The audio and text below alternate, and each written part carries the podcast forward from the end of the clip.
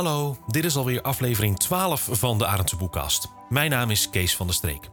Vandaag deel 2 van het gesprek met streekarchivaris Rudolf Bos en educatiemedewerker Marielle Bos over de Hanse-tijd. Vorige keer hoorden we vooral over het ontstaan van de Hanze en over de Hanze-mythes. Deze keer zoomen we vooral in op de positie van Elburg in de Hanze en we beginnen te spreken over de Vite van Elburg aan de hand van een eeuwenoud document dat tijdens het gesprek op tafel lag. Ook spreken we erover waarom het streekarchivariaat sinds enige tijd eigenlijk zo actief naar buiten treedt, onder meer via het Hanzehoorspel. Over dat laatste gesproken, aan het einde van deze podcast nog een kleine bonus. Ik wil nu even naar die, uh, naar die Vites toe, want eigenlijk heb je het net ook al even genoemd, Marjelle, maar even, even back, to the, back to the basics daarvan. De, wat, wat, wat is een Vite en hoe ging dat in Elburg? Jullie hebben me net een, een prachtig document laten zien. Er ligt hier op tafel een document uit de uit de 14e eeuw. Uh, waarin uh, Elburg in 1368. Ja, 25 uh, juli 1368. Dus hij is bijna 655 jaar oud. Ja, precies. Want op de dag dat we het opnemen is het, is het, is het 14 juli. Dus ja. we zijn bijna. Met 10, 11 dagen vieren we een feestje in Elburg. Ja, precies. En, en waarom is dat een feestje dan? Want wat is er nou zo belangrijk dat zo'n stad zo'n vite krijgt? Ja, wat is er economischer dan handelen op de plek waar het product uh, is ja, en leeft. Want dat en is wat een fiete is, hè? een soort dat handels... Is, ja, een fiete is een, uh, is een kleine handelsnederzetting. En uh, dat moet je niet zien als echt een stuk land waar, waar, waar, waar een stenen gebouwtje staat. Want het is een seizoensplaats. Ja. Het is eigenlijk net als op de camping. um, maar die, die steden krijgen dan een privilege. Dus ja. weer zo'n privilege. om op de plek zelf te handelen en verhandelen. Dus zij nemen hun spullen mee daarheen. Maar de vis wordt daarop gekocht, verwerkt en dan weer terug verscheept. Um, en en de, de, ja, je moet je daar rekening dat daar een gebouwtje is waar dat wordt verwerkt. En uh, we weten dat de uh, Vite van Elburg, die, die ligt naast die van uh, Den Bosch, Sertogenbos moeten we zeggen. Um, ja, dus, dus dat zijn allemaal stukjes land en, en ze mogen daar ook hun eigen jurisdictie voeren. Ja. Dus, het tenzij... stadsrecht gold daar eigenlijk. Um, ja, volgens mij. Ja, ja, volgens, ja. ja. Um, uh, wat je ziet is dat, uh, um, dat het stadsrecht geldt daar. En er is, er is ook een voogd vanuit iedere moederstad uh, is dan daar aanwezig. En spreekt dan ook namens het stadsbestuur recht in het geval dat daar een, een conflict ontstaat. Als er een, een, mogelijkheid is om de doodstraf te kunnen uitspreken, dan behoudt de koning dat recht voor. Ja. Die voogd is, is een belangrijke figuur komen zo nog heel even op. Want ik ben eerst benieuwd. Jij zegt het is een soort een stenen huis. Maar de, de, de, de, de, de ook een hele gemeenschap daaromheen. Toch? Of is dat echt alleen dat huis en dat is dan de Vite? Nou, het is in de omgeving van Valsterbo vaak als je over uh, Skåne praat. Want daar op Skåne lag die Vite van Elburg, hè?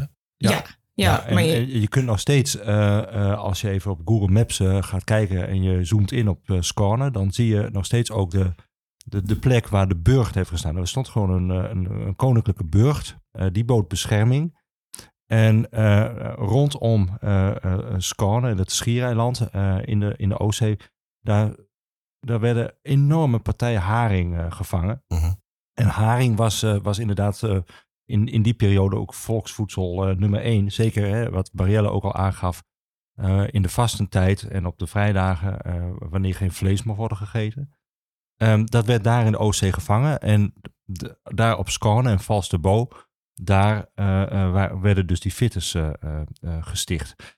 En um, nou, het is eigenlijk een strandgebied. Dus daar werden gewoon de, de boten kwamen aan op het strand. En werden dan in die fiets werden ze, werden, werd, het, werd de vis dan verwerkt. En je ziet ook dat heel vaak het woord bode of boede komt terug in de, in, de oorkonden en stukken. Dat zijn eigenlijk, um, tegenwoordig uh, noemen ze het in het uh, West-Fries nog een, een boetje. Maar dat is gewoon een, een houten schuurtje of een, of een kraam. Uh, dus dat zijn gewoon houten, houten hutten waarin dus nou ja, mensen konden schuilen, maar waar dus ook de verwerking van, en de verhandeling van die van die vis plaatsvond. Ja, een soort mini-fabriek. Maar het was niet alleen op Skåne hè, dat, dat, uh, dat daar fiets waren, ook op andere plekken in dat uh, Scandinavische gebied. Ja, Maar uh, dit is wel het hoofdcentrum, zeg maar, van die handel. Daar, daar vonden ook, uh, uh, ook, de, ook hele grote jaarmarkten plaats. De grootste jaarmarkten in het, in het OC-gebied vonden plaats rondom de burcht op, op Skåne. Ja.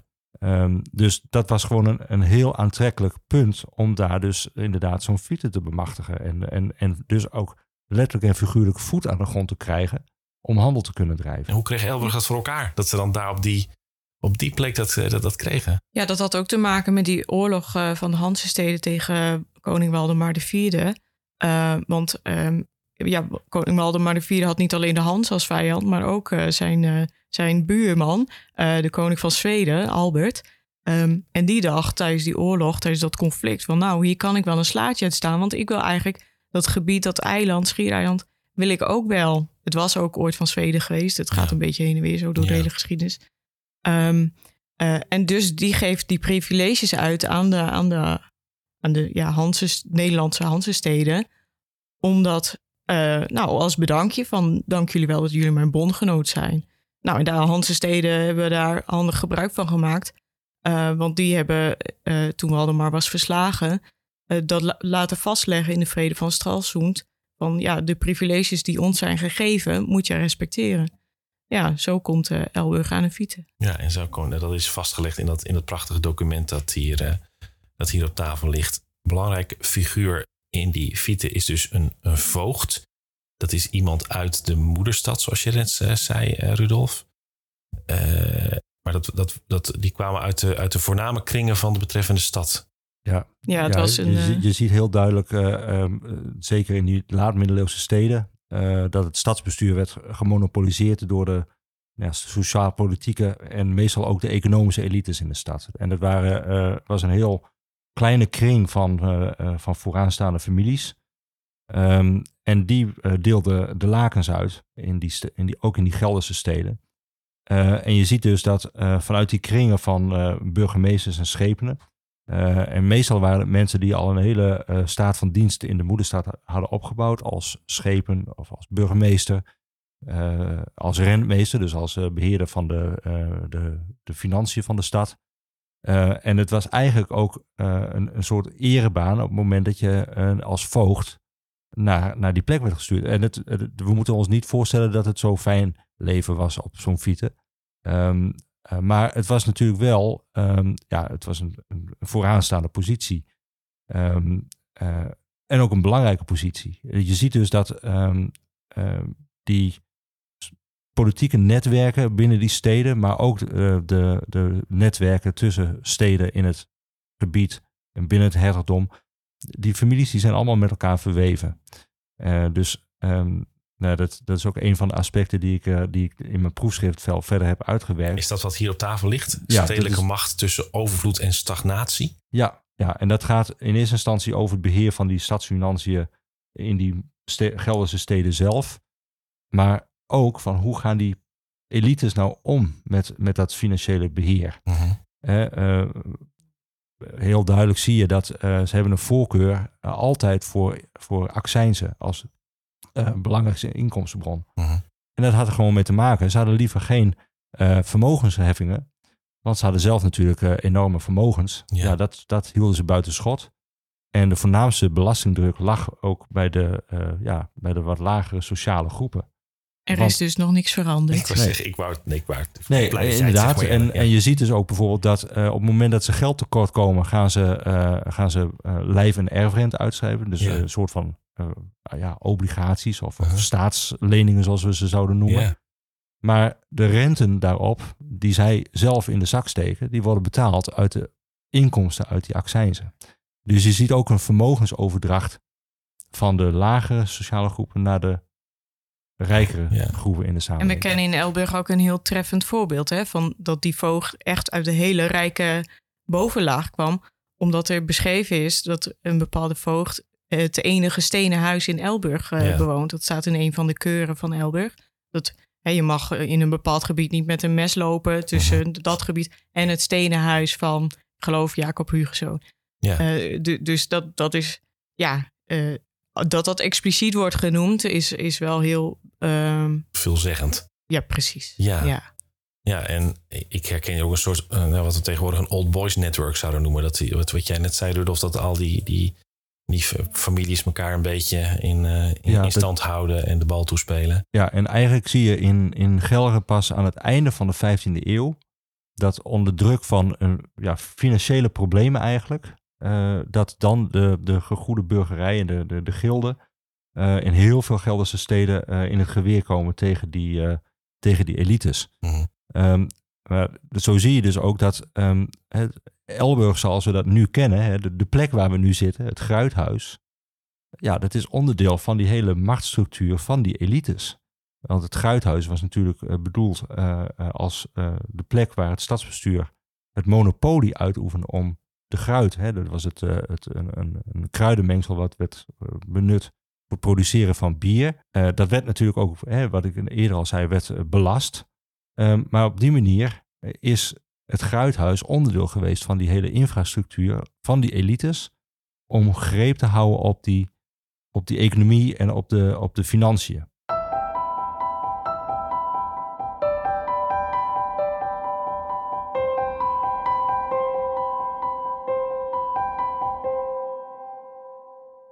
Streekarchivariaat beschikt over een schat aan, uh, aan archiefstukken, goed gedocumenteerd. Uh, en ik krijg de indruk dat jullie zeker in het Hanzejaar bezig zijn om, dat, om daar eens lekker mee, mee uit te pakken op een, op een moderne manier. Ja, kijk, het is, uh, die stukken zijn, nou ja, het oudste stuk is over de Hanze, gaat, komt geloof ik uit 1280 in Harderwijk. En we hebben al twee Hanze-steden in ons portfolio, Elburg en Harderwijk. Dat is natuurlijk al um, heel bijzonder. Um, uh, maar die stukken zijn dus heel oud, kwetsbaar vaak. Uh, ja, die liggen in een geklimatiseerd depot. We, bij uitzondering hebben we vandaag deze oorkonde mee, meegenomen. Um, maar bovendien, om het te lezen, moet je goed onderlegd zijn. Je moet kennis hebben van oud schrift. Maar als je dat kunt lezen, begrijp je dan ook wat er staat. Het zijn natuurlijk, er is geen standaardisering van maten en gewichten, van geldsoorten. Dus je moet heel veel kennis hebben van, van die tijd en van dat schrift. En ook van um, ja, hoe, hoe wordt zo'n document opgesteld? En uh, ja, als je dat dus in een vitrine legt in het museum, is dat heel leuk om te zien. Um, maar krijg je dan echt mee wat er in zo'n document staat en wat er met zo'n document uh, wordt gezegd eigenlijk over, over de geschiedenis. En ook over de geschiedenis die jij nog ziet. Hè? Dus hè, als je hier door de stad loopt, zijn er uh, veel dingen aan te wijzen die met die tijd te maken hebben. Maar zie je dat dan als je alleen maar zo'n archiefstuk nou, nee. want hè, ik uh, ga vaak naar het museum, maar uh, als ik uh, misschien 10, 20 seconden een blik werp op zo'n document, ja, dan denk ik, oké, okay, nou, nu ben ik wat geïnteresseerd, dus ik sta er meestal wat langer overheen gebogen. Maar, maar iemand die, daar, die dat niet heeft, ja, die zal, zal daar even een blik op werpen en loopt vervolgens door. Dus wij zochten eigenlijk naar een manier van hoe gaan we die stukken vertalen, die verhalen die daar uitkomen, uh, en hoe gaan we die vertellen aan de mensen die in eerste instantie misschien wel denken: hmm, die Hanse geschiedenis, het zal allemaal wel een beetje stoffig, een beetje saai. Al die mensen zijn al dood. Wat heb ik daar nou aan? En dat is heel terecht natuurlijk dat je zo denkt. Um, ja, dus wij hebben uiteindelijk het handvoorspel gemaakt.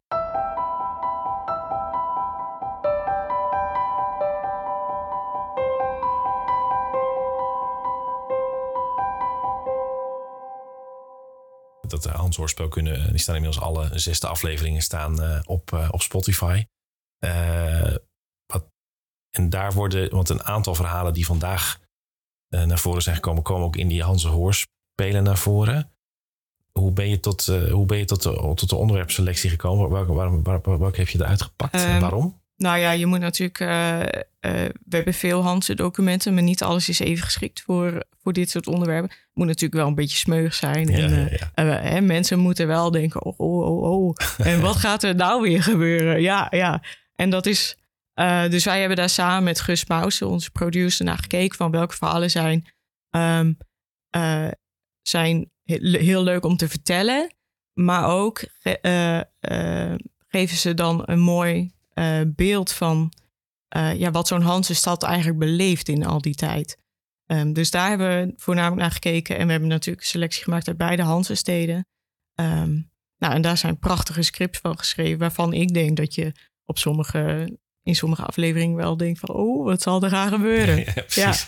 Ja. ik ook. Maar ben, ik, ben, ik vind het ook heel mooi, maar ik was, ben ook niet objectief, want ik heb daar mee, aan mee mogen werken. Ik vond het een hele, uh, nou, hele, heel bijzonder. Ik denk ook dat het echt dat, dat inzicht geeft. Wat ik ook zelf heel goed vond, waar nog weer die, die achtergrondstukken die je dan ook nog weer op je website zet, waardoor je ook nog weer een stukje meer inzicht krijgt dan dat je alleen in dat, in dat hoorspel krijgt. Ja, want het hoorspel, hè, de afleveringen zijn eigenlijk maar een paar minuten. Ja. daarin krijg je iets mee van uh, hoe, het, hoe het is. Uh, op een uh, amuserende manier. Ja. Maar ja, wij, wij konden ook, ons ook goed voorstellen dat, dat zo'n aflevering ook vragen oproept. Ja. Um, en daarom hebben we voor, dus voor gekozen om de ene week een aflevering online te laten gaan. En dan de volgende week een artikel op onze website te publiceren. Uh, wat nog even ingaat op, op, op, de, op het onderwerp van de aflevering ervoor. Ja. Um, zodat mensen toch even wat meer ex, extra informatie kunnen, nou ja, kunnen verkrijgen. Ja. Ja, we, we hebben ook uh, in, vanuit ons uh, uh, beleidsplan, vanuit het archief, een aantal jaren geleden ook gezet. Hè, ehm, wij zijn het, het, het, duurzame collectieve geheugen van de regio. Maar wij vertellen ook de verhalen die ja. besloten liggen in die archiefstukken van ons. maar als je een archiefstuk hebt, en dat is ook wat, wat Marielle terecht aangeeft, um, dat staat nooit op zichzelf. Je hebt altijd de context nodig om zo'n stuk ook te kunnen duiden. En uh, ik denk dat, dat, dat wij, dat Marielle in, in het bijzonder er goed in geslaagd is om de brug te slaan tussen aan de ene kant het stuk zelf, het verhaal wat daarin besloten ligt, maar ook de context van het verhaal. En dat komt in het hoorspel heel mooi naar voren. En daarom uh, uh, denk ik ook dat het een hele mooie manier is, um, een hele andere manier is, om de verhalen te vertellen die, die, die in, in die duizenden tienduizenden archiefstukken die wij in onze depots hebben liggen, om die te vertellen. Ja, want je, je kunt het ook zien, hè, wij archieven hebben als wettelijke taak dat je je archieven toegankelijk, je moeten beschikbaar zijn. Um, maar je zou dat heel breed kunnen trekken van, ja, maar hoe toegankelijk ben jij als niemand weet wat er in jouw depot ligt? En dus is het een taak om mensen daarover te leren. Nou, dit is dan een, een heel uitgebreide versie daarvan. Um, maar ja, aan de andere kant, iedereen betaalt belasting voor zo'n uh, depot. Uh, en voor de, voor de documenten die bewaard worden. En dat heeft nu natuurlijk ook te maken met een transparante overheid. Hè, kun jij je rechten en plichten als burger. Uh, is, is het mogelijk om, om daar nou ja, wat aan te doen? is dat goed beschikbaar? Um, maar ja, het is, ik vind het belangrijk dat iedereen de kans heeft om op een makkelijke manier um, de inhoud van die stukken te leren kennen. En dat, dat lukt niet voor de hele acht kilometer die wij beheren hoor. Nee, maar, het, het is ook weer heel anders. Dan je kunt ook zeggen, ja, openstellen en beschikbaar maken is het in de vitrine te leggen. En dan zie je, oh wat mooi met al die, die prachtige zegels eronder. Maar de, de context ermee schetsen op een moderne manier. En, en ook mensen daarvan te laten leren en daarvan mee te laten. Nou, je, ja, ziet, je ziet daar ook wel een, een, een kentering in, zullen we zeggen, het, het, het denken uh, in de samenleving, maar ook uh, binnen de politiek merk je dat ook. Uh, we zijn niet, ja, om het een beetje oneerbiedig te noemen, niet langer alleen maar opslagplaatsen voor, voor, voor oud papier. Um, nee, we, we, we, hebben ook duidelijk meegekregen van nee, sla ook die brug ja. naar die samenleving en laat zien wat je hebt. Uh, en ja, we noemen onszelf ook wel een soort informatiemakelaar richting die samenleving. Dus ja. ook in samenwerkingsverbanden met musea in de regio, maar ook met his historische verenigingen. Die bruggen willen wij expliciet gewoon slaan. Ja. juist ook om die maatschappelijke rol van archieven veel duidelijker naar voren te brengen. Ja, ja en wat het ook is, als jij je, je, je, verleden kent, begrijp je het heden ook beter. Mm -hmm. Uh, dus ik denk in die zin dat het een positieve effect heeft op de samenleving. Ja. Uh, en ook, hè, wij hebben dit project natuurlijk met, met jullie, Arend de Boek, opgedaan. Ja. En de jeugdtheaterschool El van Elburg. Uh, ja, dan wordt zo'n project ook lokaal al, al heel goed gedragen. Zeker. En je hebt heel veel ambassadeurs dan voor zo'n voor zoiets historisch... Wat, waarvan andere mensen misschien anders hadden gezegd... nou, ik sla over. Maar die nu dan toch gaan luisteren. En echt, want we krijgen veel reacties uh, compleet verrast zijn ja. over uh, dit onderwerp, maar ook over de uitwerking ervan. Ja.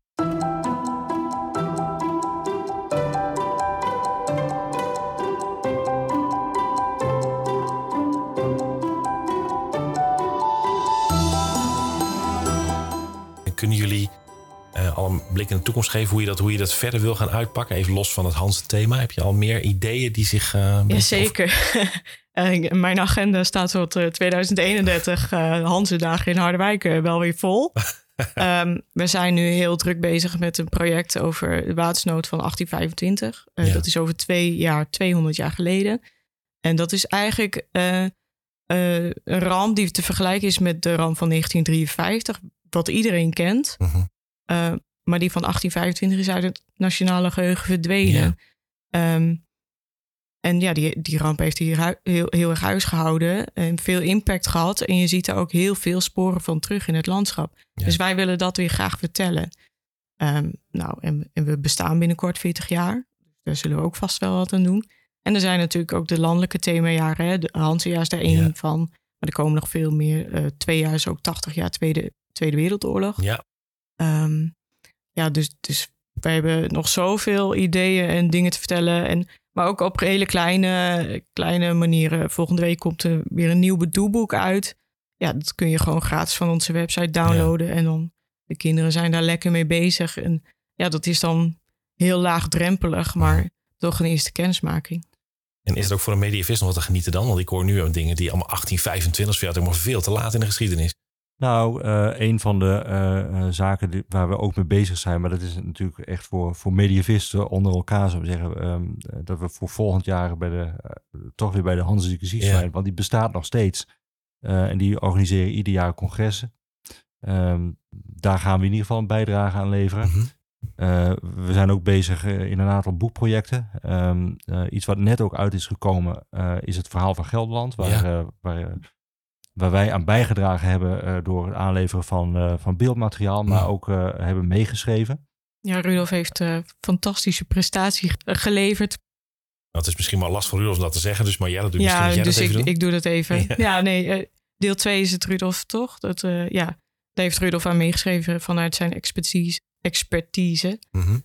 um, dus dat, dat is natuurlijk heel mooi en voor ons ook natuurlijk fantastisch. Dat ja. Je... ja, en het mooie wat wij wat we ook de aankomende jaren zullen blijven doen uh, vanuit uh, het streekarchivariaat, is natuurlijk uh, ja, vanuit onze kerntaken onze collecties steeds beter toegankelijk maken. Ja. Um, en dat doen we ook steeds gerichter met, met vrijwilligers. Hè. Bijvoorbeeld het project waar Marielle net over praat, over watersnoodramp 1825. Hebben we heel gericht vrijwilligers geworven. Die voor ons um, de, de archiefstukken die daarmee te maken hebben, Um, uh, toegankelijk maken, transcriberen. Uh, en daarmee hebben we uh, materiaal om inderdaad te verwerken in nou ja, de, de, producties die we daar, daarvoor willen maken. Ja. En, en ook voor andere thema's en zaken blijven we gewoon bezig om die, om die archiefstukken toegankelijk te maken. om ze te digitaliseren. -huh. we hebben net eind vorig jaar al onze bevolkingsregisters laten digitaliseren. Dus dat is ook voor um, uh, mensen die genealogisch onderzoek doen. Ja. Ontzettend interessant materiaal. Um, en zo zijn we uh, eigenlijk uh, iedere dag binnen het streekhavenjaar met ons team bezig om, om al die archiefstukken toegankelijke te maken. En daarmee dus ook onze kerntaken uit te voeren. Dus ja, dit is ook eigenlijk een open uitnodiging aan iedereen die denkt van goh, um, ik zou wel wat meer willen weten om, over mijn eigen familiegeschiedenis, over mijn eigen woonomgeving. Hè, want we, we beheren bijvoorbeeld enorm veel uh, uh, bouwtekeningen van huizen. Dus, uh, dus eigenlijk alles van na 1900 en zeker vanaf 1930, nou daar, daar vind je bouwdossiers, bouwtekeningen, et cetera. Dus gaat u verbouwen, dan kunt u ook bij ons terecht. Ja. Dus het, het, er zit enorm veel materiaal in ons archief waar mensen toch niet direct bij stilstaan. Nee. Dus het is gewoon een open uitnodiging. Um, kom vooral langs, want daar, daar zijn wij voor. Het kan in ieder geval uh, via onze website. Uh, dat is altijd uh, het startpunt. Dus www.snwv.nl. Um, we hebben een vijftal studiezalen. Um, de, op de website vindt u ook de, de openingstijden. Waar, waar gewoon stukken aangevraagd kunnen worden. Het is gewoon gratis. wat Marjelle ook al zei, daar betaalt u eigenlijk ook al belasting voor. Um, It's part kunt... of the deal, zeggen we dan. ja, um, uh, dus um, alle archiefstukken die uh, zijn overgedragen aan ons. Uh, en zeker als, het geen, als er geen belemmeringen rondom AVG op zitten, dat is tegenwoordig wel een belangrijke Ja. eh, binnen de archieven.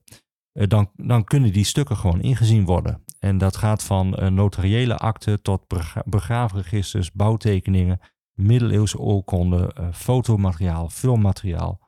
Ehm, Ja, dus wil je nou met eigen ogen de, de akte zien waar Kees net eh, een beetje kwijlend boven stond, dan kom gerust eens langs. In Elburg ligt hij, dus dan ja, we halen hem graag even naar boven. En, en, en, en ook nog wel een tip eh, voor bijvoorbeeld Harderwijk. Dat is ook eh, zo'n voorbeeld van, eh, van, van, van samenwerking. Ehm, het oudste stuk wat wij beheren is het stadsrechtprivilege van, van Harderwijk Mhm. uit 1231. Dat ligt in de permanente tentoonstelling eh, netjes onder de juiste klimatologische omstandigheden.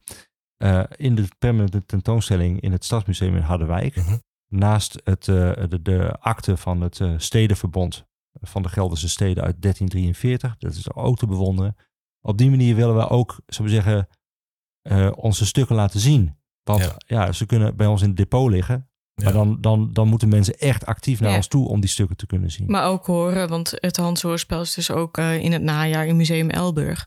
Dus we zijn ook heel blij dat die musea met ons willen samenwerken. Ja. Eh, omdat we, ja, hè, door ver- te verbinden, ja, dat is toch een beetje Hanse gedachtegoed, al Ja. is het een beetje mythisch misschien. Eh, door te verbinden kom je ook samen sterker op, op die erfgoed- en cultuursector te staan. Eh, en ik denk doordat wij onze verhalen en documenten met voorwerpen dan kunnen verbinden in zo'n tentoonstelling, dat het, dat het beeld nog completer wordt. Heer Bos, Rudolf Bos, dank jullie wel. Bedankt voor Dankjewel. de uitnodiging. En tot zover aflevering 12 van de Boekkast. Dank aan het streekarchivariaat Noordwest-Veluwe voor de medewerking. Uit de reacties die ik op aflevering 11 kreeg... heb ik wel gemerkt dat u veel over de Hansen geleerd hebt. Hoe mooi is dat? Aan het einde van deze aflevering nog een kleine bonus. U hoort nu een aflevering van het Hanse Hoorspel... en wel de aflevering Een brief voor Evert.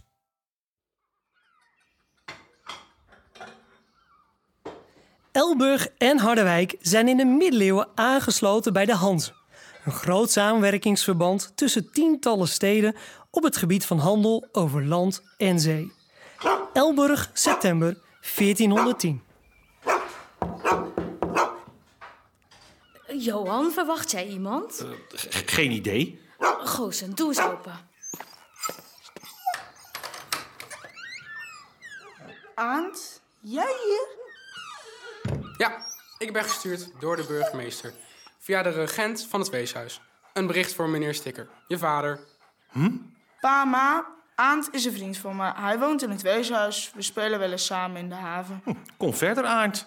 Benieuwd wat je ons te vertellen hebt. Ik zou je niet lang lastigvallen hoor. Maar de burgemeester ontving een brief van voogd Evert Scherping uit Schone, waarin u de groeten krijgt. Evert Skerpink, is dat niet die rijke meneer in het enige stenen huis van Elburg in de Ellenstraat? Klopt. Meneer Skerpink is nu voogd van Elburg. Van onze Vieten op Schone. Zeg maar de baas van Elburg in Denemarken. nou ja, of Zweden. Dat verandert nog wel eens. Hij is een goede maat van pa. Wat een fijn bericht, Aard. Kom verder. Had Skerping nog meer te vertellen? Alle Elburgers zijn goed en gezond met al hun goederen, vertelde de burgemeester me. Geen besmettelijke ziektes en er heerst vrede. Nou, dat is wel eens anders geweest. Welke koning is er nu weer aan de macht? Ik hou het niet meer bij. Koningin, mevrouw Stikker.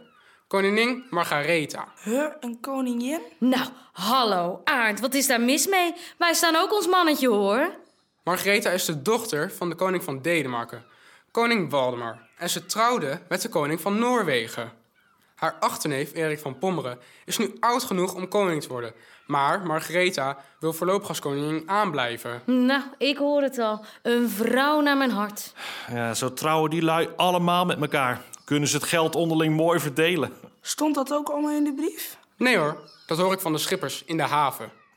En stond er verder nog iets in die brief? Jazeker, dat de Elburgers op Schone tussen de 7 en de 12 last haring hebben gezouten.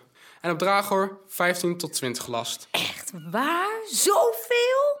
En weet jij toevallig ook hoeveel een last haring is, Aard? 14 tonnetjes haring, meneer Stikker. Maar de prijzen zijn er heel verschillend. Dat hebben ze daar niet eerder zo gehad. Een voerharing kost in het schip 10 stuivers, op de kade 8 stuivers en op de hoop 6 tot 7 stuivers. Een voer? Dat is een karrevracht, gozer. Maar het kan nog erger. In Valsterbo werd op één dag zoveel haring aangevoerd dat men daar maar drie stuivers betaalde. Ook voor het zout zijn de prijzen heel verschillend. In Valsterbo betaalde men 40 stuivers per last, maar op Drakor maar 32 stuivers. Dat stond wel in de brief. 7 of 8 Vlaamse grote per ton. Tegen 5 stuivers voor een Engelse nobel. En 6 stuivers voor een Rijnlandse gulden. Nou begint het met de duizelen hoor, Aant.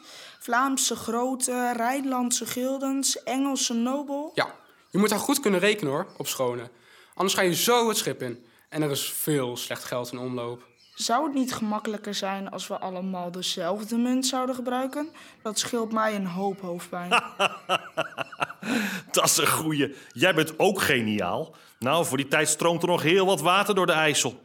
Maar Arndt, heeft iemand jou al eens verteld dat je behoorlijk pinter bent voor je leeftijd? Weeskinderen moeten twee keer zo hard hun best doen om het later te gaan maken, heeft de regent me ooit gezegd. Dat heb ik me goed ingeprent. Dus ik geef mijn oren en ogen goed te kost, meneer Sticker. En oh ja, wat er ook nog in die brief stond, is dat het rommelt tussen Pruisen en Polen. Over en weer zegt ze elkaar veel schade toe te brengen. Oh nee toch, nu daar weer. Wil jij zo een vorkje met ons meeprikken misschien? Nou, daar krijg ik vast problemen mee. Ik mocht er even tussenuit. Misschien een andere keer.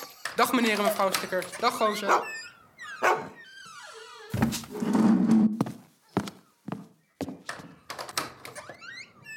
En zegt de burgemeester dat Skerping de hartelijke groeten van me terugkrijgt. Zou ik doen? Die Arndt, die komt er wel. Moet je vaker mee gaan spelen, gozer. Daar steek je nog wat van op. Ja hoor. Dit fragment uit het Hanse hoorspel Werd je aangeboden door het streekarchivariaat Noordwest-Veluwe In samenwerking met oudheidkundige vereniging Arend Boekop En Jeugdtheaterschool Elburg. En dit was dan echt aflevering 12. Wilt u reageren op deze podcast? Doe dat dan via de Facebookpagina van Arend Boekop of mail naar podcast.arendteboekop.nl. Bedankt voor het luisteren. Tot gauw!